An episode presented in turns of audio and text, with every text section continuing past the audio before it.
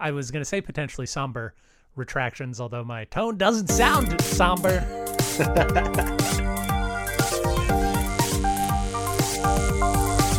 Well, I'm not a crook.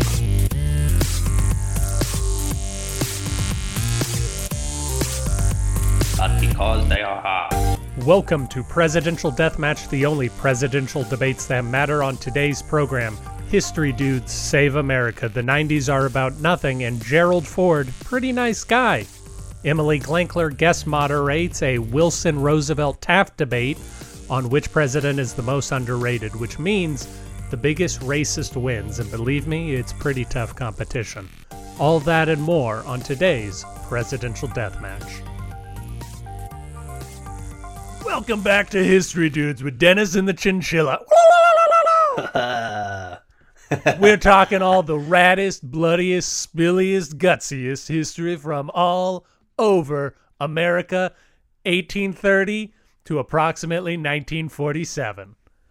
Hegemony. Yeah. Hegemony. I've been uh, really enjoying using that word lately. I came across that word today, Yeah. but I don't know what it means. Oh, uh, hegemony is, is actually how I should have pronounced Hegemony. it uh, than hegemony. Uh, hegemony means. beans. Yeah, it means beans. Uh, hegemony means uh, sort of strength through power. You are the strongest and you maintain your rank through force. So uh, the reason why I know the word is because it is in Jessica's favorite board game. One of the factions that you can play as is the hegemony. Oh. But yeah, uh, Dennis, uh, obviously we have feelings about what's gone on in our country this week. But before we get to that, we should say that the rest of the program is going to, the majority of today's program is going to be a continuation of last week's discussion with Emily Glankler Indeed. about presidential rankings. We're, uh, where we left people, we were finishing up our discussion about the leaders we deserved by Alvin Felzenberg, and we are about to enter our discussion of recarving Rushmore by Ivan Eland. And that was recorded before the events of the last week, but we're going to talk about that in our retraction section. I imagine we're going to talk about it a little bit more next week as well. We should also say that given the sort of sensational happenings that happened in America over the last week, next week we do still plan to record our inauguration special, but that inauguration special won't air until after the inauguration. So if anything should happen at the inauguration, we won't be able to talk about it until the retraction section of that episode. Yeah, hopefully there's not much to say Yeah, afterwards. I certainly that is one of my fondest wishes at the moment. Well, Dennis, before we move on to this week's retraction section, we need to check in with the polls. And of The course, polls. we didn't have a debate last week because that debate will be airing on today's episode, but we did have a debate 2 weeks ago on which presidency was the most looked forward to. And Grover Cleveland wins that underdog, Grovicle, uh, somehow supplanting oh. progressive darling Franklin Delano Roosevelt. But more surprisingly, I think he lost a vote somehow. Because I swear he had four votes when I looked at it last week, and he has three votes now. So somebody, I didn't even know that was possible. I didn't know it was possible either. Anything's possible in Doodle Poll. But Grover Cleveland wins that. and of course, we will check in next week with our debate over who's the most underrated president that you will hear today. And again, before we move on to retractions, we need to tell people about the presidents we will be discussing in the debate section. So let's do that now. Ah, yes, of course. Debate today is who was the most underrated president. Who did you choose for underrated? So yeah, so because we we we chatted a bit with our guest, we uh we she she had a president in mind that she wanted to chat about. a little trade bit. It on- happened. Uh, there was a Huh? trade between the People's Party Exactly. and the Old Hat Party. Yeah, so I popped over to the People's Party and I I, I scanned the uh, the team there in in all of their communist glory, and I chose uh, Grant, and then learned up a bunch about Grant, read about him a whole bunch, and uh, was you know putting together an argument, and then I just audibled and jumped onto Gerald Ford. Uh, oh, at okay. Last minute. Fascinating. Uh, I don't know whether this will make you feel uh, better or worse, considering we said we want an underdog. But the two men uh, that in these books both spoke very highly of Grant and said he was a very underrated president in their various Yeah. description. Yeah, it's kind of like I feel like it'd be it'd be like if we were debating like who the best uh like musician is. It'd be like coming in with Rihanna and like like it's weird that Grant is like the most famously underrated, but now we talk about how he's underrated. So, mm-hmm. so like, oh, I see. I see. I in see. the interest of pleasing our our audience, I, I was like, you know what, I'm not gonna do that. I I had very much the same inclination when I chose my my person. I I will be arguing for Zachary Taylor today as the most underrated president because I thought, well, in reality, I would probably choose Grover Cleveland or Calvin Coolidge. Uh, or maybe James K. Polk, but I've talked a lot about all of them recently. So let's uh, we haven't talked about Taylor in a bit. So let's let's chat about him. But well, Dennis, what can you do to tell us a little bit about Gerald Ford to whet their appetite? Yeah, um, Gerald Ford. Um, so he is the only president who wasn't elected to be vice president or president. But so Spiro Agnew, I didn't know this. Spiro Agnew got like caught up in a scandal Yeah. and resigned Yes. uh, some months before Nixon did. So Ford basically, when Spiro Agnew got uh, booted or or when he left, Nixon said, "Okay, who's like the the biggest name in the Republican Party who is considered to be transparent and honest by people?" Mhm. And so he chose Ford, and then he resigned a little bit later because of uh, Watergate, and uh, so then Ford became president, and he had the shortest term of anyone who didn't die as a result uh, in pres in their presidency because then he lost to Jimmy Carter uh, in the in the next election that came up. He pardoned Nixon early in his term, and when he did that, his popularity dropped from seventy two down to forty nine percent. And I think that colors a lot of our understanding of him. But uh, yeah, he was involved. It was the time of the Cold War. It was the time of uh, Vietnam ending, um, and it was time of SNL starting to pick on presidents. So that was kind of the the world that he was in. That is Gerald Ford. I will be arguing that Zachary Taylor is the most underrated president. Zachary Taylor was the 12th president of the United States. He had a term shorter than Ford, which, as Dennis, if you piece together information, you may realize Zachary Taylor died while in office. But of course, he didn't really die while in office because Yeah, he, yeah. he was already a ghost, uh, which in a lot of ways makes him our most diverse president, I think.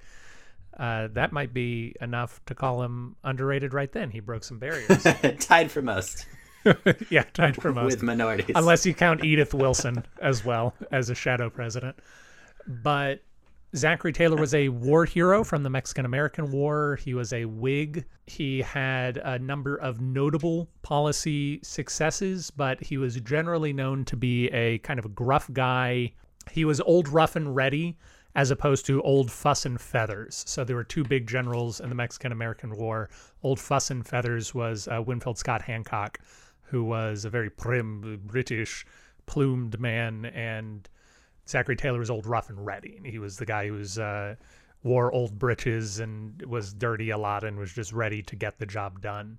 The Whigs thought he would be a, a pushover when it came to policy. They didn't expect him to think much for himself or do much for himself, uh, but it turns out he did. And I'm going to talk about those successes later on today. He he died about 18 months, maybe 16 months into his term, uh, succeeded by Millard Fillmore. There was a particular dust up between him and Millard Fillmore that I'll talk about later, and famous for never having voted in his life. I don't. Yeah. I am not entirely certain whether he voted for himself. He is also, I will stake a claim to this, our our first and only president from Louisiana is one of the first real Deep South presidents, and that is Zachary Taylor. It would have been interesting if I'd chosen Grant because he uh, he has some similarities to Taylor, but they're like very different. But also because of their, I, I did learn that Grant modeled himself after Zachary Taylor as a general. Yeah, which it's I not. thought was uh, interesting. Yeah. Okay, Dennis, uh, we are coming into a potentially. I mean, I was going to say potentially somber retractions, although my tone doesn't sound somber. We're just getting reports that the Hindenburg exploded. We're gonna go to our man Chad on the street. Chad, what's it looking out there like that today? So of course things were very surprising this week. Uh, surprising in a distressing, embarrassing, upsetting way. And I don't know how much time we want to spend on it, but uh, since we do talk about the presidents, we should probably talk about the attempted coup on our government that happened. Yeah, well, one thing, as far as the retractions uh, goes, I'm listening back. It was uh, kind of funny because like the episode felt very dated, even though it came out like three days after being recorded. Yeah. Now, on a personal note, and hopefully to get things out of the way, towards the end of the program, you're going to hear me make a joke that is in pretty bad taste considering what happened in the past week. There's not a way to edit that joke out and maintain the sense of what we were talking about. So it remains. It is a joke that I stand by making at the time that I made it, and I would edit out if I could. One of the one of the things that we posited very strongly was that there's always precedent when it comes to presidents. Everything is always unprecedented because time is moving forward, so it's always new and unique. Always, yeah, you can't step into the same stream twice. Yeah, but there's always things to look at about it uh, that are you know that are similar from history and I would say that's that's true even even with this. Um, it's the only time that Americans have ever broken in and taken the Capitol building. Of course, it is it is distressing when citizens take it upon themselves to arm themselves against uh, the expression of democracy, as it is being happened because they dislike the result. But I think the more distressing part of it for a lot of the country, certainly for myself, was the way that elected representatives seemed to encourage and foment this this situation. And uh, even that is not entirely unprecedented in our history. Do do you? I've got a few stories. Do you have any about that idea? Nothing too specific. I know that book, White Trash, that has come up a few times, talked a lot about how the concept of turning poor white Americans against the black community um, was done very much what like that was used for political advantage very much that kind of cultural uh, concept very very similar to to this i think in a lot of ways where it was a really powerful way to build that community up uh, to the point of of violence in the capital uh, so that that's something that kind of you know rears its head over and over and over and over yes since uh, andrew jackson uh, we, before. we do have of course a large scale uh, either rebellion or, depending on how you look at things, uh, an attempted separatist movement, which was put down in the Civil War. And although the sitting U.S. president uh, didn't encourage it, it was uh, John Tyler did encourage the Confederates to maybe not entirely break apart, but he suggested that Virginia did need to become a, a separate entity, otherwise they wouldn't be taken seriously. Uh, and John mm -hmm. Tyler had previously served as the president of the United States. And although he is not president of the United States, Sam Houston has sort of the opposite situation. He was, of course, the first and third president of the Republic of Texas when Texas was its own country. And he was serving as governor of Texas during the lead up to the Civil War. And the citizenry of Texas wanted to separate. And uh, Sam Houston said, I don't think that's a good idea but if it's what you want, I will do it, and then I will resign, which is what happened. Similar, similar one that I read about a little bit was the a massacre in Wilmington in 1898, uh, which was a coup that white supremacists basically uh, connected all around North Carolina and burned all of the black newspapers. Um, and then in Wilmington, they also they they actually did stage a coup and succeed and put their own people in in in charge. So like a Republican had won uh, and they they put a Democrat in charge instead because the but that's like that that uh had come up because of being the other like time where truly like coup was a term that was used and correctly and and stuff uh in American history. In this week's episode, so I don't want to get into it much. And actually, we, we should probably talk about now. Bleeding Kansas. Are you aware of what Bleeding Kansas is? I think it's connected to the Missouri Compromise. Is that kind of around then? Yes, yes, it is around the time of the Missouri Compromise. Emily asks me a question about it, or in some way, Emily brings up Bleeding Kansas, and I suggest that it is different than whatever it is that we're talking about in that moment. I don't remember the exact context it'll be brought up in, but Kansas the settlers of Kansas wanted to be a free state. The federal government at the time wanted Kansas, uh, who I believe was Franklin Pierce, wanted Kansas to be a slave state. The neighbors of Kansas wanted Kansas to be a slave state. A variety of very uncomfortable, it's not exactly a coup so much as a military dictatorship, but essentially the U.S. government sent in army people to suppress the vote of native Kansans and then imported Missourians, had them write a constitution. The Kansans wrote their own constitution. They both sent them similar slates of voters happened, but but this was a sort of this was a very large suppression of popular will. Is that all we want to say about the events of the past week before we actually discuss the retractions from our past episode?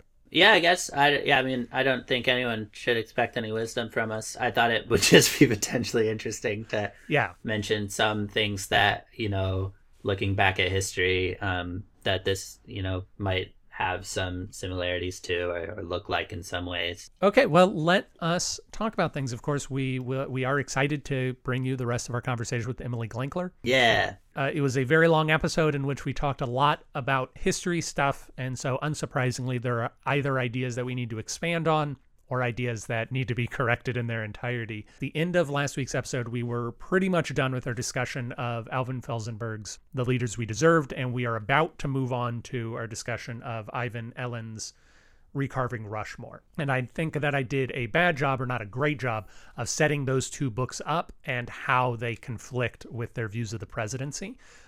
I think that the big, big, big takeaway when you go into thinking about what we're going to say about Eland's book is that Ivan Eland, the man we're about to talk about, is exclusively concerned with the effects that the president's policies had on America or other people and the theoretical implications of those effects in terms of expanding presidential power. Whereas Alvin Felzenberg is much more interested in the person that that president is.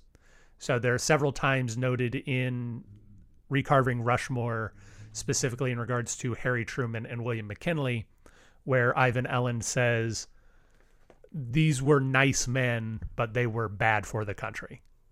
Everyone Mm. says he wanted to do well, he had a good personality, he was a good guy to work for, but the effects of what he accomplished was not good. And I think that's important. Yeah. Uh, Because I I certainly care I think a lot more about who my president is rather than what he does. Yeah. Yeah. I think that's been our approach for sure, kind of as a podcast. Yeah. So so I, I think there's just an interesting distinction and that I think helps set up some of the differences in the way Eland looks at things and the way that conventional historians, even us, think of things. In a little while, I think pretty early on in the segment you're about to hear, I bring up a I start to talk about a book and I can't remember who the author is or what the book is about or where I read it, but now I know. The book I'm discussing is called Alchemy by Rory Sutherland.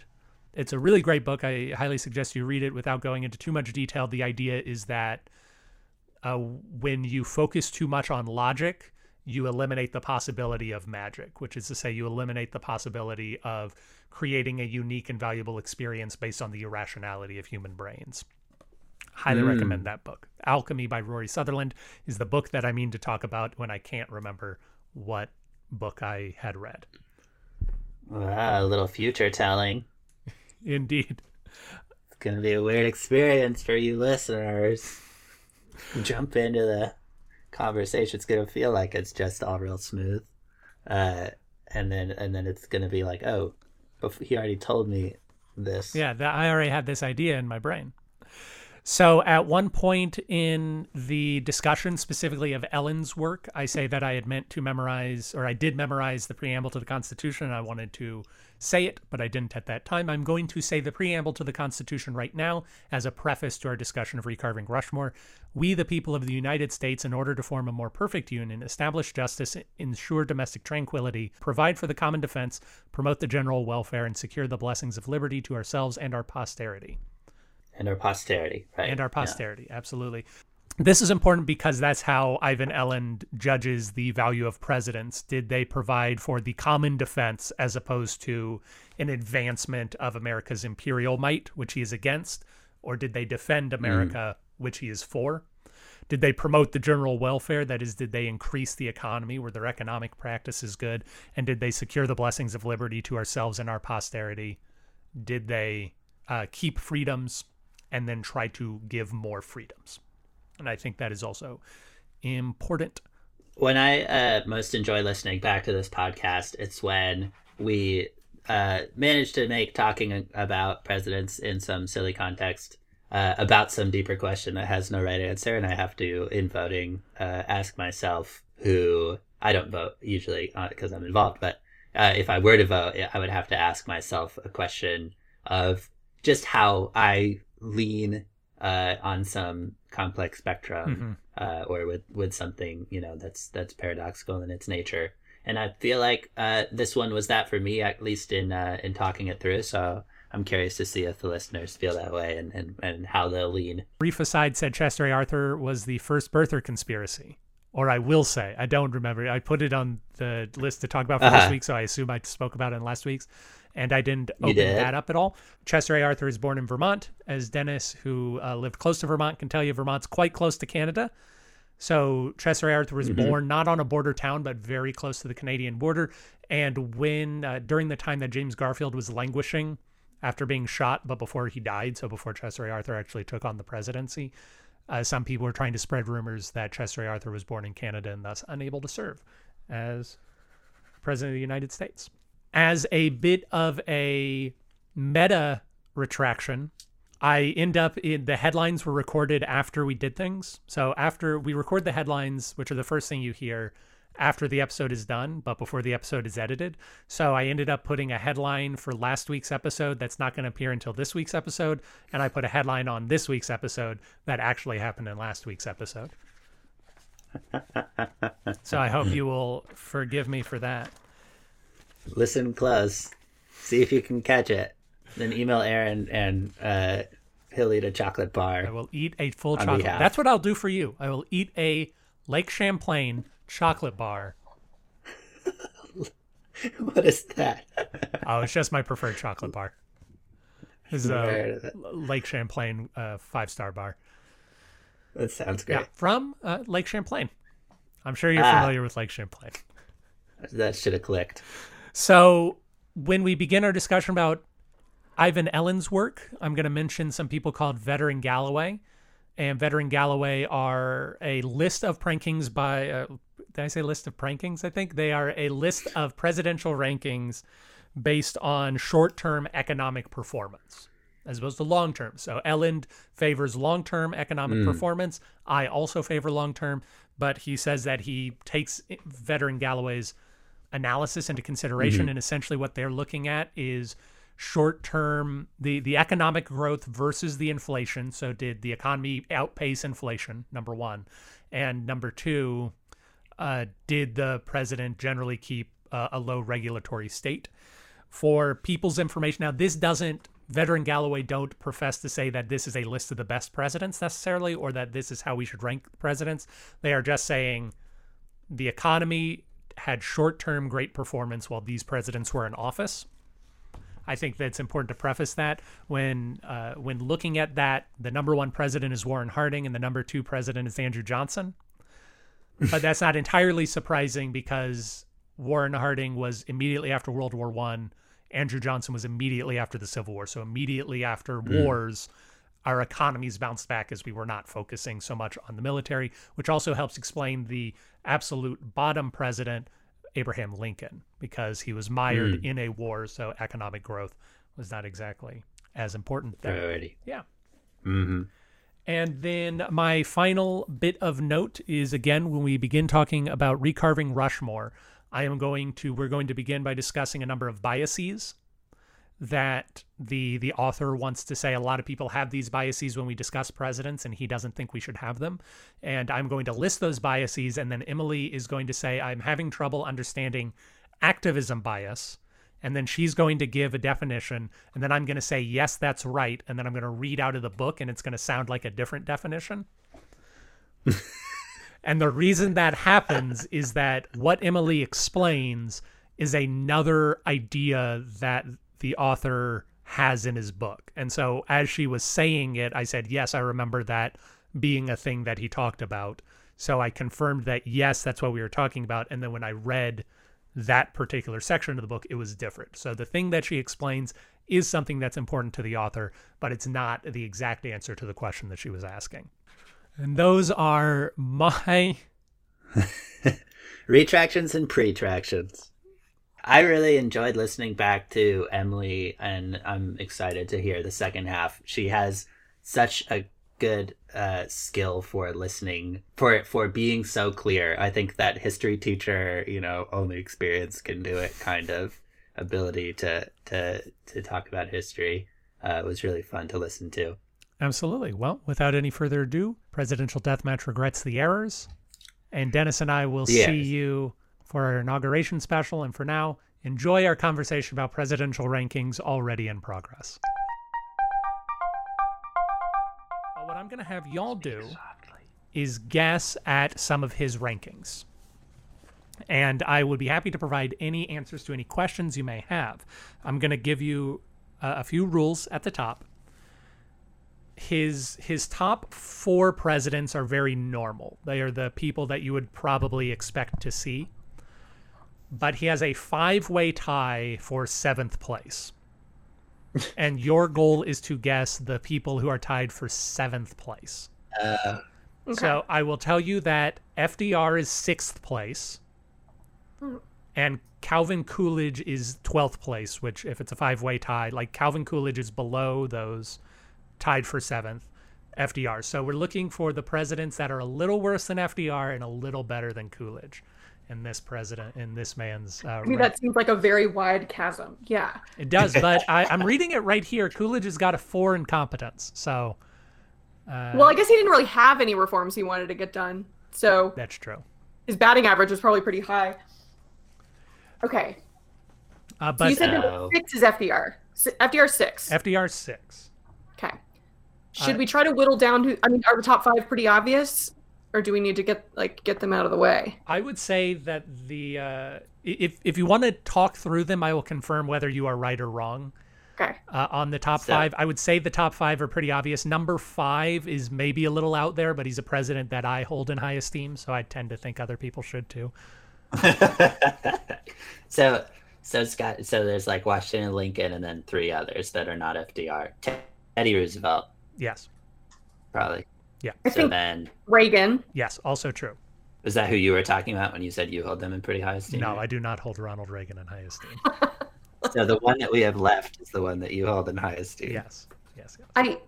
Mm, LBJ. Oh, I do hold LBJ in super I high love me some esteem, LBJ, but no, okay. LBJ is ranked very lowly on in both of these books. Uh, Really? primarily, Well, yeah, like, there's a lot of stuff I was like, yeah, it's Vietnam. not like a Jefferson. Uh, it is not Jefferson. Jefferson is at 14, Whoa, below Coolidge. below Whoa. Coolidge. That's where that's where Jefferson should stay, in my opinion. Coolidge. I, I agree, but that's funny. Uh, yeah, he is a post. The number five is a post World War II president. Uh, Is it Eisenhower? It is Eisenhower. I love Eisenhower. Eisenhower's great. Eisenhower Eisenhower. throws great Christmas Eh, parties. I'm forced to say. I'm Yeah. forced to say Eisenhower Eh. throws great Christmas parties. Okay. So you are looking at That's who the five people tied for seventh. And as I said, I am happy to answer any questions you may have. Truman was at the top of some of the things that I saw. Truman to me seems like a guy a guy this guy would love in terms of not peace but defense and national security. Lib- uh, There- I was gonna say I feel like we're shy on founding fathers. I was gonna say, like, is there a John Adams there? Is Oh, Truman not one of them? that was a good one. Truman is one of them. Truman is one of them. Okay, so Okay. Truman's one, Truman's but he one. said from his inauguration date. So I think there's one that's turn of the century. So I think Uh, I was just trying to make sure I wasn't being tricky about John Adams since he was in 18. I was all ready to talk about McKinley, but okay, fine. Um, Can hmm. Talk about McKinley. If you want to talk about McKinley, Yeah. talk about No, McKinley. he got assassinated really early. I, I don't Really, think- he was in, he was president for six years. Oh, I really? think McKinley's Yeah. a good one. Oh, that's bad. That's bad. I didn't know that. um, I just did a whole podcast about Emma Goldman, who was blamed for assassinating him, even though she like had nothing to do with it. Right. Mc- I, McKinley could be in there. McKinley is one of them. McKinley is one of the tied for top seven. Okay. I think. Oh, I mean Jackson. No. No, no, Jackson is rated fairly lowly. is uh, James Madison on there? No Madison. I think. I think a Monroe could be on there. He is not. I will say Oh. one of them is going to be very surprising. Okay. And Uh, I th this will be another clue for Dennis. Uh, the remaining people, hold on, I'm gonna I'm gonna double check this. Um, the remaining three people are all people that you have argued for on this podcast. So Dennis, you have specifically researched these three presidents. I mean, I've I've I've done quite a few at this point. Aaron. That's true. We're talking about Uh, one of them today. Taft, Taft, because we hadn't brought up Taft yet. We haven't, but it's not Taft. Oh, Taft is great. all right. So then, Adams, Jefferson, Madison, Monroe, it Quincy. Can't, it's certainly not Ford. Well, So uh, so that Dennis, if it's not Taft and it's not Ford, then who is it? Well, it can't be Zachary Taylor either. It's one of those three. It's either it's either Taft, Ford, or Zachary Taylor. Which of them is it? and you said it wasn't Taft. So I really, did. it's So it's Ford really and Ford or Taylor. Yeah, that is correct. I mean, so is it Ford? Zachary No, Taylor. Zachary Taylor. Zachary Taylor. I cannot name you a single thing Zachary Taylor did as president. Well, I will be arguing that he is our most underrated president later on in this program. So hopefully you will learn some things about him. Right. He's the he's the worst. Is it Polk? Uh, it is not Polk. I, I will finish the game. The remaining two are Grant Oh. and Kennedy. Agree. I agree with that face you're making, Emily, on on Kennedy. For the listener, the face I'm making is one of confusion and disgust. yes. Uh, this dude is just trying to. He was like trying to make a viral video. He was just trying to get people to to read his book. Be like, oh man, we are going to move along to what I consider to be a much more exciting book that uh, has a lot more to argue about. Recarving Rushmore by Ivan Eland. It's published in 2011. So uh, George W. Bush is in this book, but uh, Barack Obama and obviously Donald Trump are not. He says, in general, that there are four biases that most people have, most historians have specifically, and uh, political commentators when gauging the success of a president, and that in reality, we really only need to look at uh, three things, and those are the three things from the Constitution. Um, so he says that what we need to judge a president on are to what extent I'm gonna uh, to what extent did the president promote peace, specifically peace, prosperity? Did he encourage prosperity? Not necessarily cause prosperity, but did he encourage prosperity in the United States? And did he preserve and extend liberty? He also uses the word liberty. Did he preserve and extend liberty to uh, not just Americans, but uh, to other people if that is uh, possible to do? So this is not about like national, like liberty, preserving and extending liberty coupled with national security for the other guy makes me think, I don't know, but this is liberty like enlightened. Yes. Yes. Okay. This is very enlightenment focused book. Uh, very much. I, I had previously memorized the preamble so that I could say it in this, but uh, at the moment, uh, we the people from the person. I, I'm going to ignore it. But um, th this is a guy who is very steeped in the Constitution, and he says the Constitution says these. This is a guy who I, I don't want to get too negative on him too quickly because uh, his arguments are very interesting, and I don't agree with everything that's in his book, but at least I feel like he's a person who has an opinion and you can talk to him. He's a guy who, for whatever reason, has a real big problem with America building roads. And I don't know why he has a problem with America building roads, but he's just like, listen, specifically, they said it in a Federalist paper we shouldn't build roads or canals. So, you know what we shouldn't do? We shouldn't raise taxes for the purposes of building roads and canals, and we should let local municipalities do that instead. All right. So, we- number 40, whatever, with his list is going to be Eisenhower. The Eisenhower's not quite uh, not quite that low, but but I do believe that Eisenhower gets dinged a little bit for the interstate highway For all the roads. But the biases that he argues are an effectiveness bias. People tend to judge whether the president was able to get things done, regardless of whether or not those things had a good effect on the country. A charisma bias. If the president is very personable and speaks well and communicates well, we tend to think much better of that person and ascribe to that person achievements that perhaps he did not have. Uh, service during a crisis bias. So we say that if the president was president during a major problem, we tend to elevate them.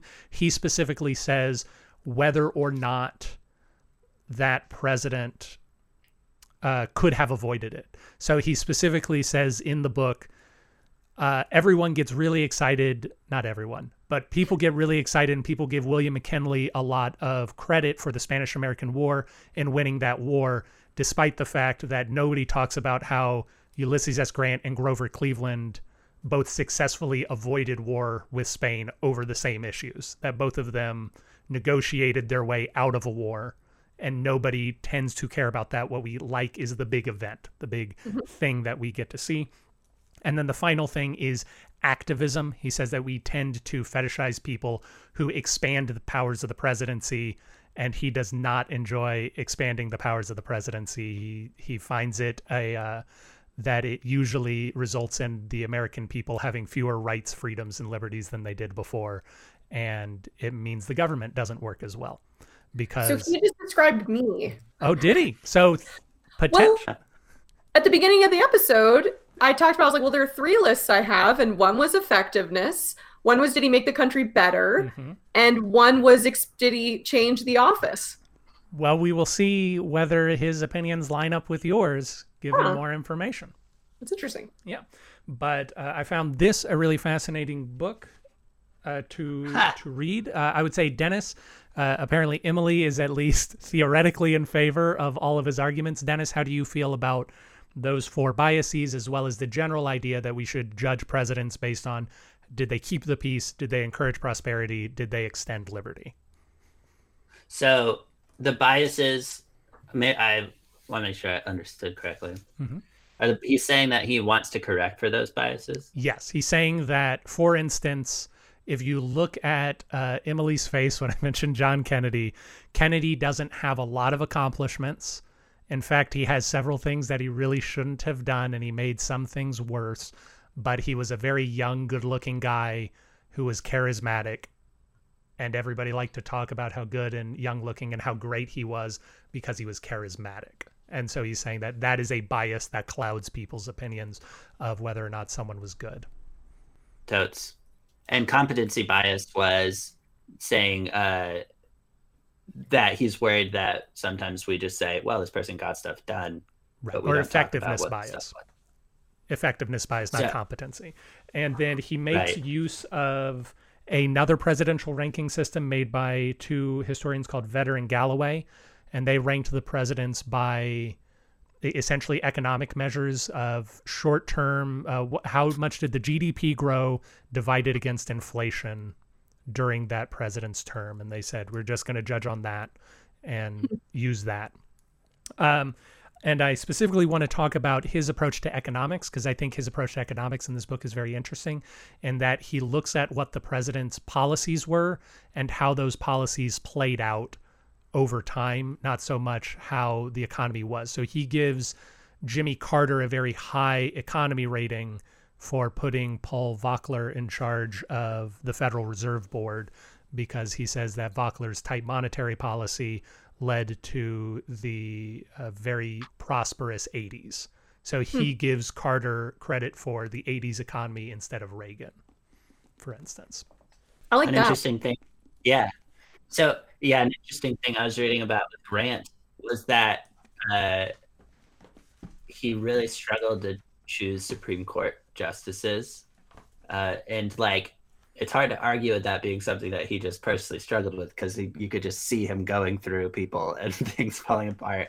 And then when he finally cho- chose one uh, of of the many that he chose, the one of those people ended up being like super not in line with his whole reconstruction ideology and things he was hoping to achieve there. And I thought that was a really interesting kind of like bite-sized thing to look at and be like, and be like, okay, I understand why that it's debatable how successful he was as a president because it's like a very specific thing you can actually pick out and say, I don't know. In my opinion, this seems like it was he was bad at that part of his job. um, but it sounds like this guy's more more openly subjective. Like he's not denying that he's being subjective. Yeah, he he is very Yeah. openly subjective, and there is a full chapter on every president where he, which is copiously footnoted, where he says, "This is the general statement and these this is how I am backing it up and you can go look at my footnotes which I haven't done so I don't know whether or not those footnotes check out but in general you walk away from all of his arguments with a very clear understanding of why he said what he said I just think the only part that like I'm not sure about is the the activism part. Can you explain that a little bit more? Like so he's he's basically just saying like we just need to go strict construction, like go back to the constitution. What was the president supposed to do? That is part of it. Another Mhm. part of it is did the president actively seek to take powers away from other parts of the government and give them to himself? Oh, okay. Uh, I, I was reading activism as like expand like doing things they thought were right. And like but you're talking about activism like I'm going to I'm going to do things to make sure my office has more power. Got it. Yeah, exactly. I'm trying to find a good sentence to read from this section that will sort of uh, stick to it. Uh, okay, yeah. Uh, analysts have a bias toward activist methods instead of better outcomes. In fact, they rarely ask whether the president in office could have acted differently during a crisis to have avoided it or achieved a better result, or whether he originally caused or aggravated the crisis he then resolved. um, Mhm. and then there is a uh, specifically in the Calvin Coolidge chapter. Calvin, I think it's in the Calvin Coolidge chapter.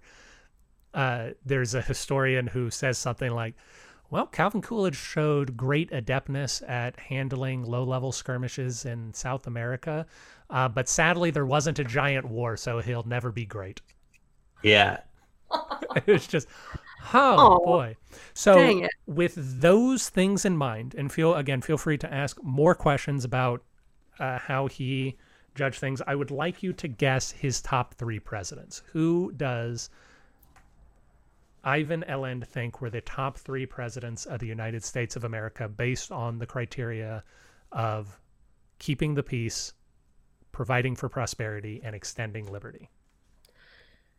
And are are we to assume like since you're asking for top 3, some of these are fairly surprising? I would say that we have not like it is possible the names of these people have been mentioned, Yeah. but we have not spoken in depth. None of them have appeared in the top anything so far. Mm. They okay. are very interesting choices for the top three presidents, especially Okay. number George one. Washington. No, Just kidding. no. So, so is he? So is he like? Because the one thing about it is that I feel like now I need to know him better because he's not because he's not saying, "Oh, this person got let down." He's saying what this person did was good Mhm. a little bit more. Yeah. So then it's like it's it. In my sense is that he was pretty against war happening in general. Is, was He's that a safe- very against war. He is extraordinarily against war to the point where he rips Abraham Lincoln up, down, left, and right for this. Just constantly is saying Abraham Lincoln refused to try and establish peace with people, and he caused the death of 600,000 Americans. Abraham Lincoln could have done this, but he didn't want to appear weak, so he didn't, and so he caused the death of this many people. Whoa. Yeah, he is Well, So to me, I don't know that it, it would be top three though, but to me, Jimmy Carter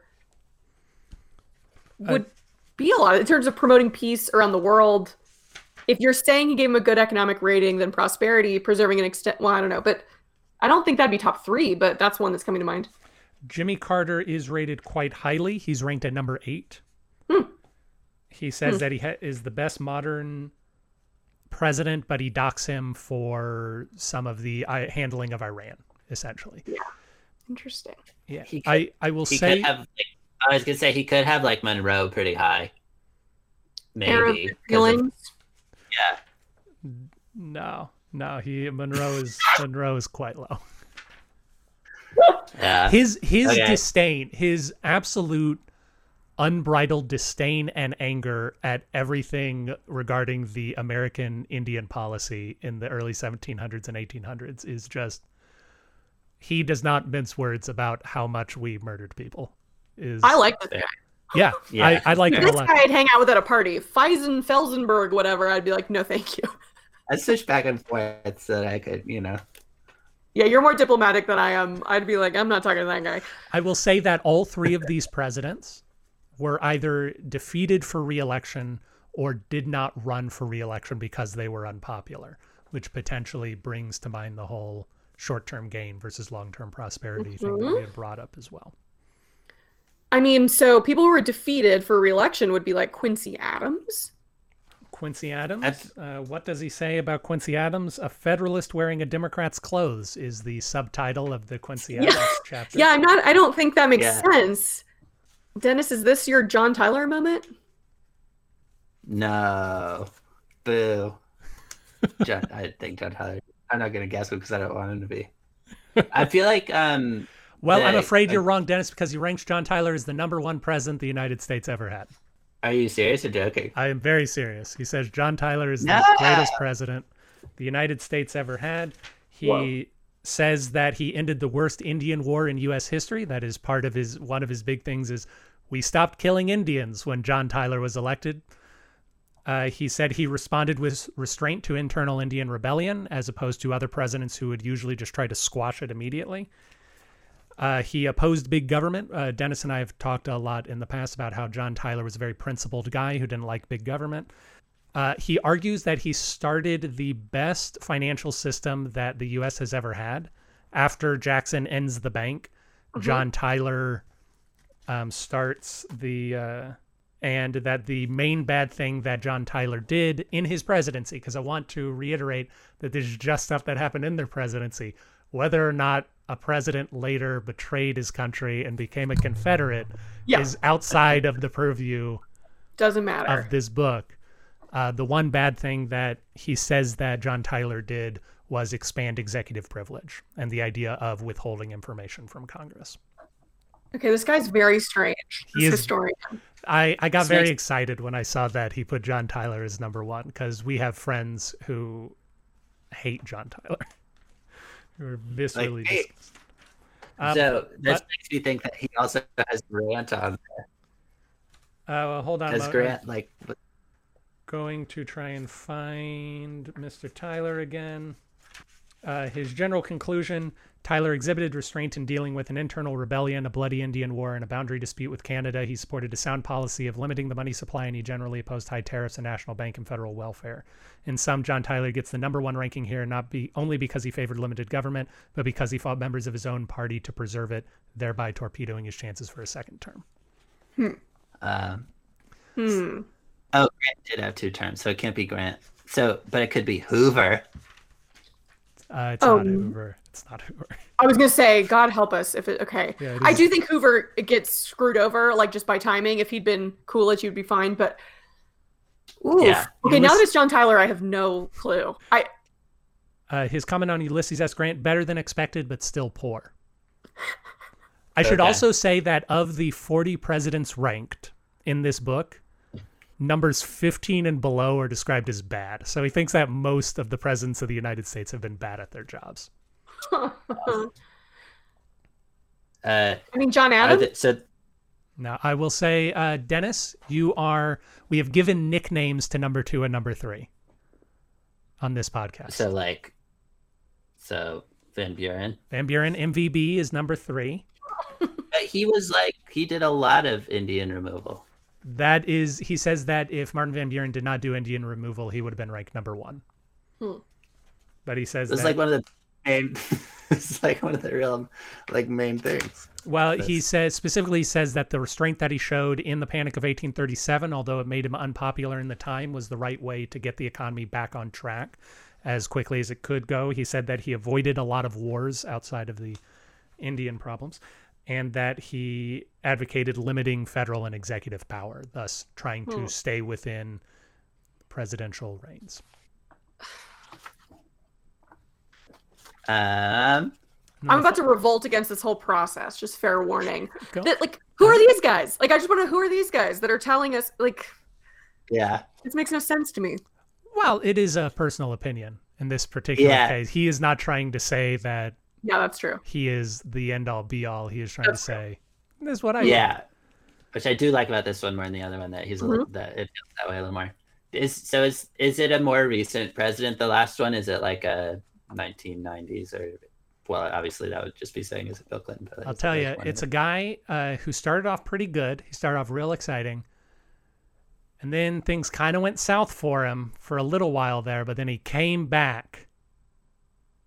Grover. Grover Cleveland comes in at number two. Whoa. Yeah, apart from the Pullman car strike, I believe that he liked a lot of what Grover Cleveland had to offer, especially his Hawaii policy, which we have spoken about fairly frequently on this podcast. He's a conservative Democrat, right? Yes, he was a conservative Democrat. So we effectively just learned that this historian is a conservative Democrat.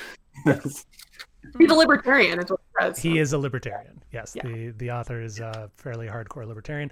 And Dennis or Emily, if you want to take a stab at it, who do you think this man thinks is the worst president the United States have ever had in terms of promoting peace, providing for prosperity, and extending liberty?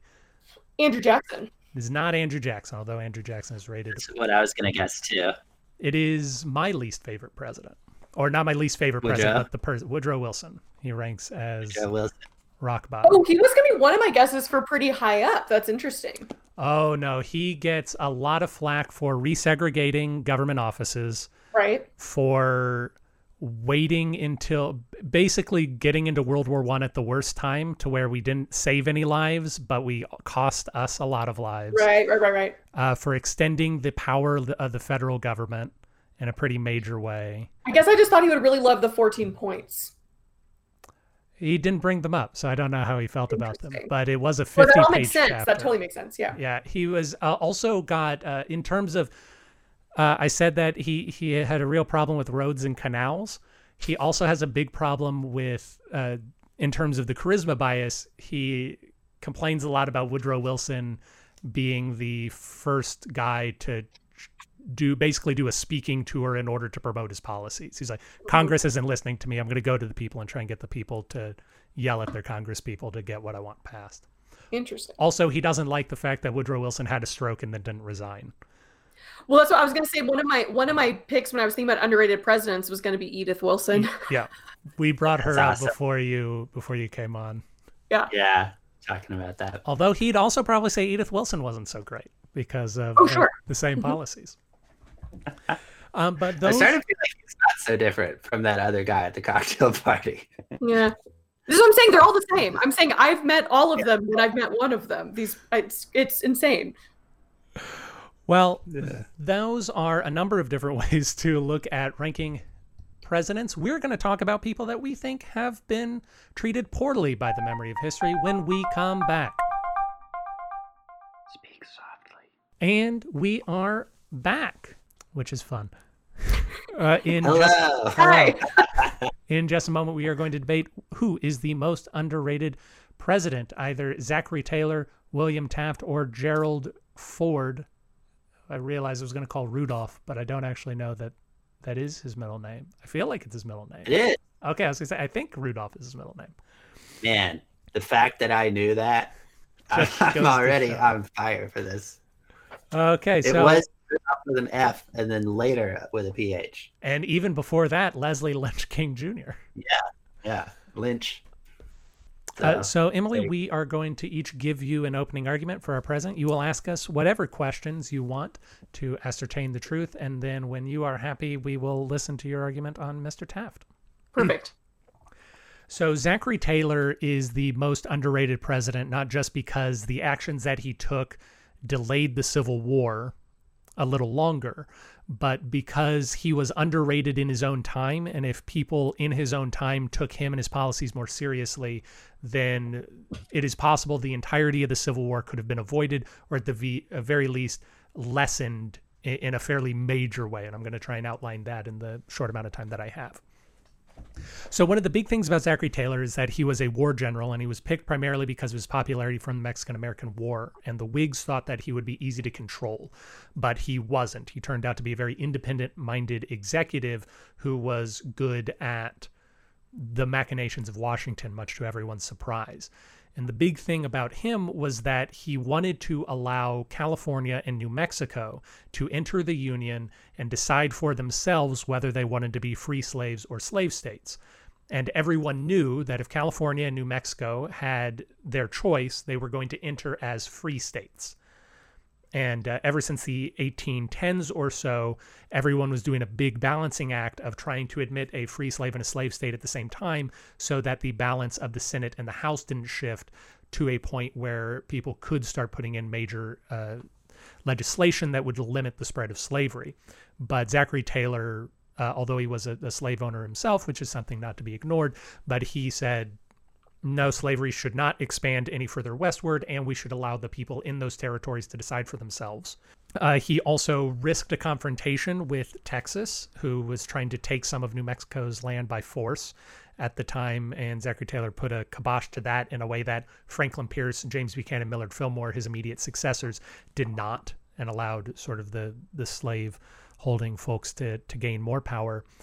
And one of the big interesting things about a, a Zachary Taylor an alternate history where Zachary Taylor survived, because of course he died quite early on, was that because Zachary Taylor was a Southern president who owned slaves, if he tempted people into a civil war, like if that clash happened, they believe that many fewer states would have seceded in a very only Nixon can go to China kind of way. That because Zachary Taylor is this guy who everyone knows is kind of on the slaveholder's side. If he is trying to keep the Union together, if he is trying to limit the expansion of slavery, that then we, we can hold together and we can figure this problem out economically rather than militarily.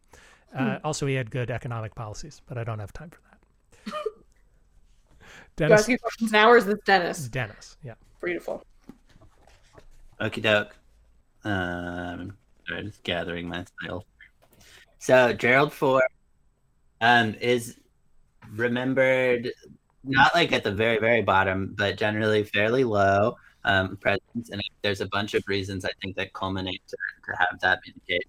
One is that he wasn't elected to anything, um, which times people I think to not be thinking of him in a position because he was appointed to vice president after Spiro Agnew resigned for corruption, and then he was appointed to president after Nixon resigned for corruption. But the reason that he was chosen in those instances is because he had a very um, honest and transparent brand, um, at least, uh, and I think that came from some from an authentic place. And then as president, he pardoned Nixon um, and was remembered for being a klutz, and SNL picked on him a lot. And those, and he got roasted and stuff like that. And those things, I think, kind of as well, uh, kind of helped build this persona of someone that you wouldn't celebrate. Um, but in retrospect, um, pardoning Nixon was a decision he made so that the country could collectively move on. Um, and he, at the same time, also really tried to lead by example of just really announcing that he planned on being honest and transparent, which uh, I, it just being alive in the moment I'm in, I really have to appreciate. Um, and then there's also this economic crisis that happened during his uh, presidency, but he was president for the shortest time of anyone who didn't die in office because he just was taking over for Nixon. Um, so I really like hesitate to attribute too much of that to him. Um, while he was an active person vetoing and all the rest, um, he was he was. Uh, it, it's always hard to argue that that a president had a really outsized effect on things um, beyond. I mean, it, uh, except for in some extreme cases. But, but yeah, altogether, seems like pretty nice guy. So I'll leave it there. Yeah, this is interesting. Y'all are taking like two two different approaches. I love, I love, I want a bumper sticker that says Gerald Ford, pretty nice guy. I think so. With Zachary Taylor, I think you made some interesting arguments that I hadn't thought about before in terms of the idea of I love like the what if sort of history. I guess I guess my concern is like based on what I know about history, the idea of letting let's just let California, New Mexico vote that didn't end well when presidents did let that happen, right? Like in Kansas, there was like the Civil War just started early oh. because everyone went there. Maybe California, and New Mexico are like far away enough that he thinks people don't won't go there. Kansas is a very different issue. I believe that happened on Franklin Pierce's watch because I, I, recently yeah. did it uh, because in that case the government was explicitly barring the citizens from voting. Like they mm. said the citizens will vote, but then they kept the citizens from voting and imported people from Missouri. Right. Uh, mm. in, in this case, it is it was a given. It, it was known that the attitude in California and New Mexico was anti-slave. Yeah, and were there no there were no other like slaves potential slave states that wanted to be admitted like because I'm curious like if if I just don't think Congress would have ever let that happen. I just don't think they would have let because of that balance like you say. So I'm just curious was it this opportune moment where there was no potential slave state to enter and he could just say let's let him in anyway? Somewhat. So Utah is also on the board at this time, and Hmm. they wanted to let Utah also vote whether one to be a slave state or not, although that would have violated the Compromise of 1830 something, uh, Hmm. which said that slavery will not go above a, a certain parallel. But I think it, it was this confluence of Taylor is very popular. He is a Whig. The Whigs control the government. So Taylor can get it through. If he can get it through, he can get it through. Hmm. But Congress does an end run around him uh, where they they do admit California, but they don't allow basically they they don't allow New Mexico to vote on being a state. They just say you're a territory and New Mexico doesn't become New Mexico is one of the last five states that ends up Yeah. coming into the union. Uh, and and then of course Zachary Taylor dies before he can make more of an issue of it. Hmm. It's interesting though. I would have never thought of this, but it's like Zachary Taylor in some ways is like the LBJ of the 19th century. That he's like this unlikely hero of civil right. Like LBJ Yeah. was like right a, a white southern, good old Southerner Texan who Right. then pushed for civil rights, and it's sort of like, could anyone else have done that? That's interesting. Yeah. I think with Ford, I'm curious, Dennis. Like, do you think there's value in someone who never wanted to be the president? I think it's a really interesting thing looking back at lots of the Veeps who became the Peeps. Even John Tyler was the first one, and and in his case, John Tyler became very The like number one uh, president uh, the United States ever had. a lot Number of one, according to friction yeah, that's why I'm why I'm bringing him up. No, uh, but he like he had a lot of friction with the government right away because he wasn't his he wasn't the he wasn't William Henry Harrison. He was his own person, and he was like, oh no, I have my own ideas and my own feelings about this. Um, and the Whigs like rejected him completely from the party almost as soon as he was president because they didn't like his decisions. And I feel like the more that I've learned about presidents, the more I feel like I see that with a lot of the like yeah, a lot of the vice presidents who end up in the presidential seat. And Gerald Ford too, I think and I don't know if part of it too is from the fact that they weren't elected. The historical perspective on it is a little bit of a like no one asked you to do this. Why are you vetoing like so many things? Mhm. Uh, I would think that's part of it, but I do think that on on the other hand, I like looking at that and kind of seeing how um, someone could have unique principles that they're standing by. Um, and I think if there's any like one of the most positive things about Ford is that he does seem to be courageously true to himself um, and transparent, uh, Hmm. and even though it's unpopular, and he wasn't worried about being unpopular. Um, Yeah. which is I think on that note too, it's interesting because y'all both picked like Dennis, you picked someone who became president late in the term and didn't really want to be, and then Aaron, you picked someone who then died early in his term, Right. right? So it's like there's a lot of there's a lot of uncertainty of like there is the sort of it's like with JFK, there's the the mystery of like what could have been if Taylor had survived. What what do you think would have happened if Taylor had survived? I think that if Taylor had survived, of course, uh, a lot of this is going to depend on midterms because he died when in the year midterms would have happened. But I believe that if Taylor had survived, then the Compromise of 1850 wouldn't have been passed. And one of the big Hmm. things that the Compromise of 1850 did, oh, sorry, I should have mentioned earlier, Compromise of 1850 is what let California come in as a free state. But one of the key provisions of the Compromise of 1850 was the Fugitive Slave Law, which said Yeah. It's what led to the Underground Railroad. It said uh, if you, it does not matter where you are in America, you are unsafe if you are an escaped slave. Whereas there is uh, at least something of an idea that if the fugitive slave law didn't exist, that New York, Philadelphia, Boston, these northern cities would kind of become sanctuary cities for run runaway slaves. And since the slave trade had already been shut down, you would have this effect of draining the South of slaves over time, which would lead to an economic end to slavery, as what happened in England and Canada, as opposed to the military end of slavery that we get in the Civil War. And that is, I Mm. think, the principal thing that would have happened. Uh, I also don't think, just from an economic standpoint, you would have gotten the high tariffs of the Millard Fillmore administration or the relatively heavy handed way that we opened trade with Japan, uh, which some could argue borders on uh, war crimes. They really should be thanking us though, because without our little prompting, they would have kidding. They would have Yeah. never Meiji restoration. Hmm. It's interesting. Am I supposed to decide anything right now? Um, no, no, not if you don't want to. We we usually have a vote. So if you want to express an opinion, you can. But if not, we can. No, no. I just think I think this is really interesting. I think y'all pick two two presidents that, if I'm being totally honest, I don't know about. I skip. I literally skip both of these guys in my history class because it is hard to get 17 year olds excited about Gerald Ford or Zachary Taylor. I'll be honest. It's unfortunate because Ford's a football star. So you think they'd yeah. dig it? Well, I do think that we do discuss. So one thing we discuss about Ford is like the pardoning of Nixon, and I do think that's. I really struggle with that because I think philosophically, I think that's pretty brave. But in the current situation we're in, I can now imagine more than ever how infuriating that would feel to feel like yeah. justice is not being served. Yes, I have much the same feelings. Mm-hmm. Right. So. Yeah, and it makes me. It actually makes me like wonder what I even want to happen in this current moment as well. Because mm-hmm. like, um, yeah.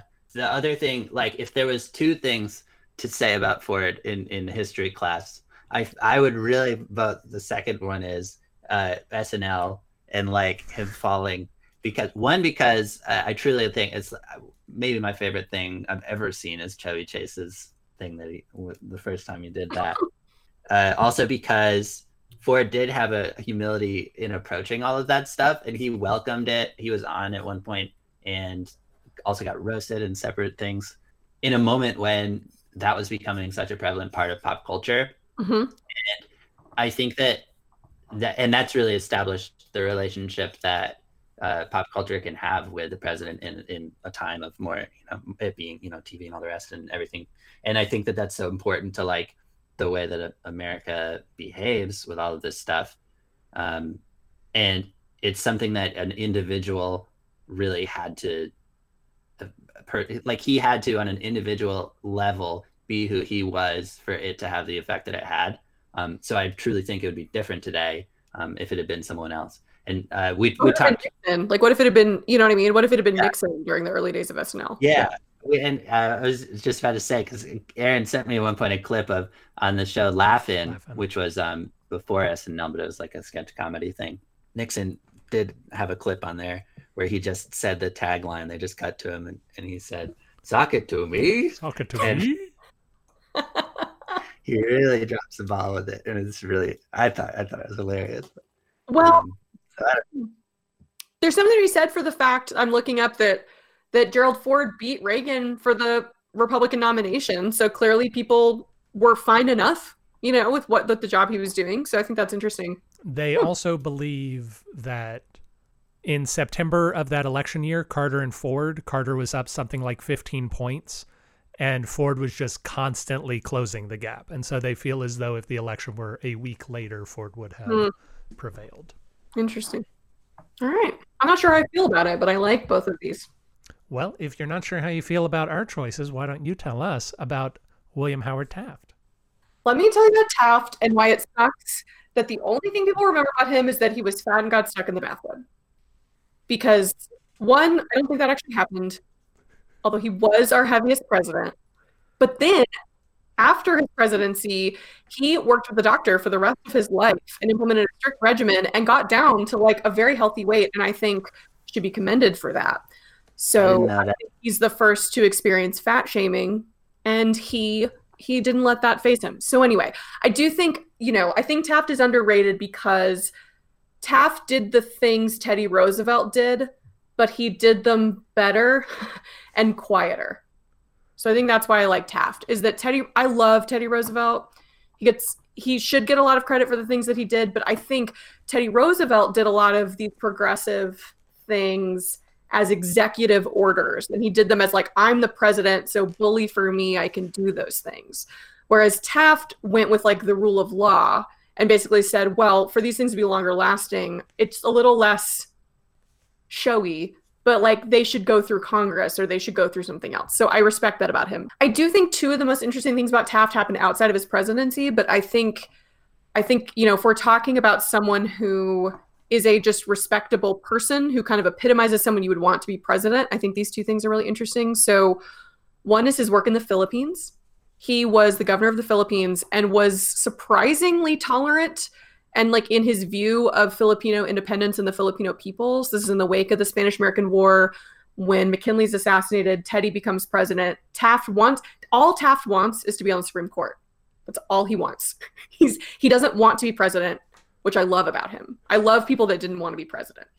And instead, Teddy's like, I think we really need your like wisdom in the Philippines. And he says, fine. And he goes and he seems to like really fall in love with the people of the Philippines. He he really pushes as governor of the philippines to like get filipino people involved in their own government. He writes quote we propose to banish the idea of racial inferiority from their minds. Like he does not ascribe to this idea of kind of social darwinism that they are somehow less than. He doesn't segregate official events like most people had. Um, and really what's interesting about his when i was researching him is like for the rest of his career he seems to have like a special place in his heart for the philippines. He as president and even as on the Supreme Court eventually, spoiler alert, he seems to like come back to the Philippines and want want what's best for them. And I like that. And I think that's really nice. And so then he's Teddy Roosevelt's Secretary of War, and he's the one that oversees the Panama Canal. He's the one that goes down and scouts out and finds the location for the Panama Canal. And so Teddy gets all this, you know, recognition. Um, when he then when Teddy decides not to run, Taft is disappointed because he's like, well, dang it, now I'm going to be the president. And he doesn't want to be, but he does because he thinks that's what his party needs. And even with that, during his presidency, he did a lot. Like he, the 16th Amendment gets passed during his presidency, which lets an income tax be taken. He, he actually brings one of the things Teddy is most known for is like trust busting, right? Breaking down these monopolies. But Taft brought more antitrust lawsuits in four years than Teddy Roosevelt brought in seven years. So Taft brought 70 antitrust lawsuits in four years. Teddy Roosevelt was 40 in seven years.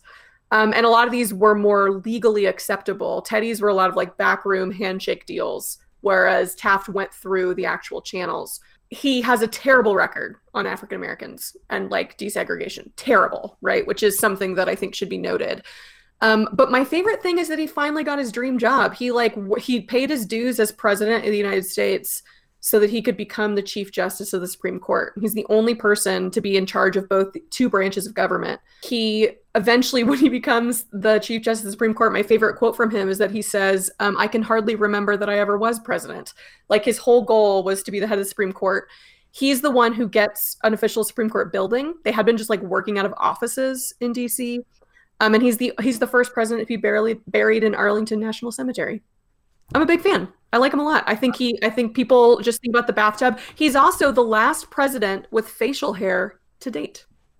Fun fact. This is true. Really? Yeah. Dennis, before we ask Emily questions, uh, because for whatever reason I like promoting other people's podcasts a lot, I will say that a previous guest on our podcast, Mr. Andrew Heaton, had an episode all about William Taft and his accomplishments. And so if Emily piqued your interest about any of this, I would encourage you to go back and look. This person is making an argument uh, for why Taft is the best U.S. president, and it is worth a listen to. Mm -hmm. uh, Dennis, I have a few probing questions for Emily, but would you like to go first? I I just thought that was great. I, I agree with I agree. I think Taft is great too. I think that even just to boil it down to so like the such the specific thing that like people know he got about the bathtub thing and don't know that he was also chief justice like so is so crazy and and a big bummer. It's um, so sad yeah, I have a quote that says he, the National Constitution Center wrote that despite being quote one of the most interesting, intellectual, and versatile presidents, a chief justice of the U.S. of the United States Supreme Court, a wrestler at Yale, a reformer, a peace activist, and a baseball fan, today Taft is best remembered as the president who was so large he got stuck in the White House bathtub. Which, as you say, didn't happen. It didn't even happen. So sad. I mean, he was large. He during his presidency weighed up to 340 pounds. Who cares? What does that have to do with being president? Yeah. Uh, well, that depends on whether or not you think health is a, a valid concern for the presidency, but that is not uh, what sure. I want to ask about. So uh, I guess I first want to talk to you about the 16th Amendment, which, as you say, established the ability to have an income tax. Now, from mm -hmm. the way mm-hmm. you talk about it, you assume that this is uh, either a good thing or a proper thing. Is this the best way, uh, in, in your mind, for the United States to uh, bring in tax revenue? Uh, no. And how much I know about the 16th Amendment could fit on a flashcard. But I will say, like, no, but I also think this is something that had been, I mean, since the days of our founding fathers, the idea of taxing income was like that was going to bring us back PTSD from like the Tea Act and the Stamp Act. So I think the fact that he found a way to make more money for the United States uh, and and getting a constitutional amendment passed in any case is a really difficult thing, and the fact that he spearheaded that, I think, is impressive. This is potentially true. Uh, there are uh, th there are various arguments against the income tax, but I I won't go through them it, at the moment. Yeah, you had said at the very beginning that that you. So one of the things that's come up a, a few times as we've been talking is the idea of competence versus the idea of like should we each personally judge president based on whether we think that the things that they seem to yeah. have had a role in the getting done uh, is something we approve of. And I and I thought that at the beginning you had said that you more leaned on the just like did they were they good at getting things done side of it um, as far as judging how how successful they were. Yeah, I mean, I think for me, I think some if we're thinking about uh, I almost have different I almost have different standards depending on who we're talking about. Because I feel like if we're talking about the most underrated, then I'm if I'm being honest, I'm less concerned with like the the moral value of what they did. I'm just saying, hey, they did a lot more. Like what they're known for is this thing, but what they actually accomplished is a lot of other things. So regardless of whether you think that's good or bad, I think if we're talking about like George Washington, it's like, well, everyone knows he, you know, had a big impact. So I think if we're talking about someone like, you know, Zachary Taylor or Ford or Taft, I'm less concerned with like the morality of what they did. I'm just trying to say, like, they actually did a lot. Like, very few presidents have had a constitutional amendment passed under their presidency. So, one yeah. of the major organizational changes that Taft made was that he pushed to consolidate all of the executive branch's budgets into one massive budget spending that Congress would vote on. Hmm. Uh, we have had over the last, uh, throughout my entire lifetime, a lot of government shutdowns over the funding of the government. And what uh, various economists think is that the consolidation of the federal budget, whereas usually each department would have to negotiate their budget with Congress separately and they would all be separate bills, allows for a, a greater amount of money to be sort of hid and appropriated away in various places, such as uh, Trump's border wall, uh, mm -hmm. as well as it leads to these funding showdowns um, yeah. and where the entire government has to get funded or the entire government won't down. be um, and I, I know that you just uh, argued that the fact that a person gets things done if they're underrated is more important than the ultimate effect well, of that but i just general idea would you say that that was a good or a bad thing I'm gonna I'm gonna take a stance okay. and I'm gonna say it like I feel strongly about it, but you could probably talk me out of it in about five minutes. I think actually during the progressive era that was a good thing. Okay. I think during the progressive era we're coming out of this era of the Gilded Age of like political machines and like departments being run by corrupt individuals who are there because they're friends with whoever's in charge. And so I think in the 1900 early 1900s, I think that was necessary. We're trying to streamline and we're trying to make government more accountable. I'm we can't blame Taft for Newt Gingrich.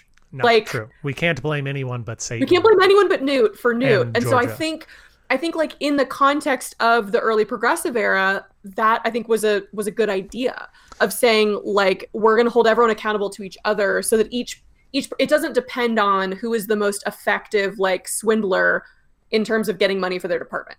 I think today we can clearly see how that's become its own problem. I I would probably argue that uh, the consolidation of the budget actually makes it much easier to hide money and to mm uh, and to bilk money out of and, and move money around. You're uh, probably right, but I'm going to stand behind what I said. Fair enough. Please do. so uh, Taft comes back and is the Chief Justice of the Supreme Court. Taft was offered during Warren Harding's presidency to be an associate justice of the Supreme Court, a position he turned down mm -hmm. because he said that it would be unseemly for someone who was previously president to serve under someone. I would probably say this is arrogance. Uh, that that would be my position. How do you mm-hmm. characterize his unwillingness to serve uh, people that he appointed as under or equal to them, as opposed to being above them?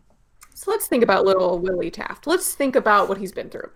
And what he's been through is like all he wanted was to be in the Supreme Court. He wanted under McKinley to be on the Supreme Court. And McKinley was like, ah, who are you? Then under Teddy Roosevelt, he was like, I really need you in Panama. It's like, now I really need you Secretary of War. Like he keeps, he literally is like keeping track of how people are close to death on the Supreme Court because that's what he wants to do. And so to him, the presidency is like a stepping stone to that job, which I think is hilarious. And so is it arrogant? Yes. But like, I do think there is a nobility and like he's like you, I've waited long enough. Like I've paid my dues. I lived in Manila. I I went went down to Panama when no one else wanted to go down to Panama. Like I was the freaking president when I didn't want to be the president. And everyone called me fat and said they said Taft stood for um what did they say? They made fun of him saying take advice from Theodore. Like everyone just made fun of him like he was just listening to Teddy Roosevelt. So I kind of respect it. I kind of feel like at that point he was like, no, screw this. I'm going to be Chief Justice or I'm not at all. Okay. And finally, I'd say that in the election of 1912, uh, mm -hmm. of course, Taft is running for reelection, despite the fact that he apparently doesn't want this job. He decides to run for reelection, despite the fact sure. that the previous guy wants to come back in and take the job from him. Mm -hmm. um, and he is also running against Woodrow Wilson and also Eugene Victor Debs. Uh, Taft comes in third place, winning only two states as an incumbent vice president, which is the worst performance of an incumbent president in the history of the nation. Of course, this is a competitive four way race, and so I'm not specifically going to uh, attack him for that, but I'm just saying that is there something that the people of 1912 knew or felt that we perhaps do not uh, right now? Because he only managed to garner 23% of the popular vote, whereas in the previous election, he managed to get, as my page loads, 51.6. Well, I will just say that Dennis's guy was never elected, and your guy never had a chance to be reelected. But sure. with that in mind, I think Teddy screwed him over, and I love me some Teddy Roosevelt, but I think Teddy got upset that Taft was coming after him. Like Taft, I think he thought Taft was going to be his just like lapdog right. and do exactly what Teddy wanted. And I, I think that Taft, a lot of times within his own department, bringing these antitrust lawsuits, pointed out like some of the things, some of these backdoor agreements that were made under the Roosevelt administration to say like these actually aren't lasting solutions to this monopoly problem. And Teddy Roosevelt took it personally. I think he, I think he was surprised that this like chubby kid who he had brought to fame, right, was now like kind of making fun of or bringing bringing negative stuff to like the the big football star that was Teddy Roosevelt. Not really, he had asthma, but I think I think that there was a lot of personality politics at play, and I think I think Taft just couldn't wield.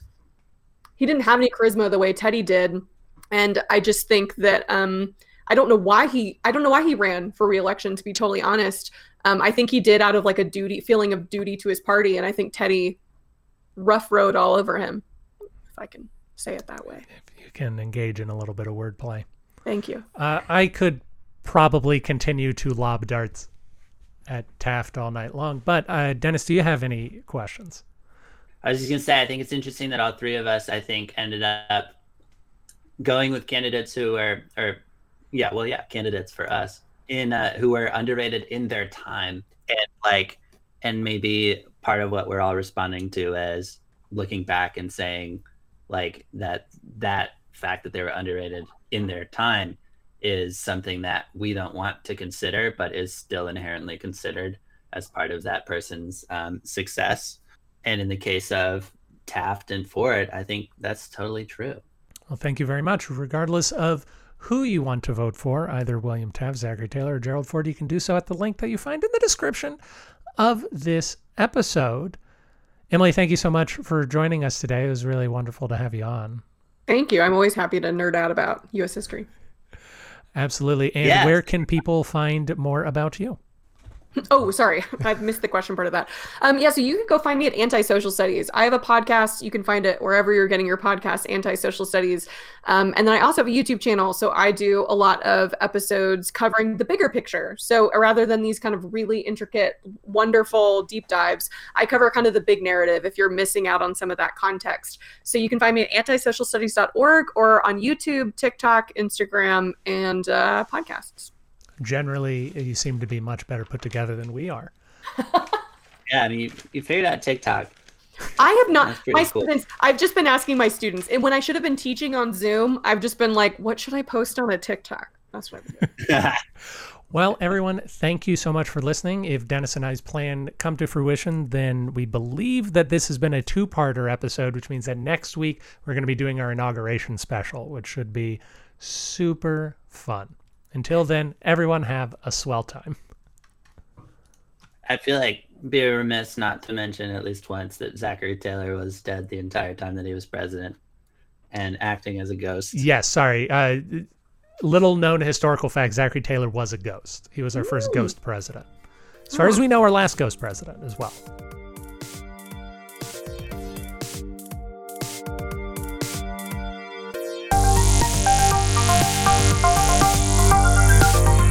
Thank you for listening to Presidential Deathmatch. Presidential Deathmatch is a production of Pronoia Theater. You can find more out about us at pronoiatheater.com. This program was edited by Aaron Garrett with music by Dennis Buddy and hosted by those same two lovable goofballs. You can always email us at contact at pronoiatheater.com. If you enjoyed the program, we ask that you rate and review wherever it is you found us. It really helps us out. And if you didn't like the program, why don't you stick around? We really grow on you.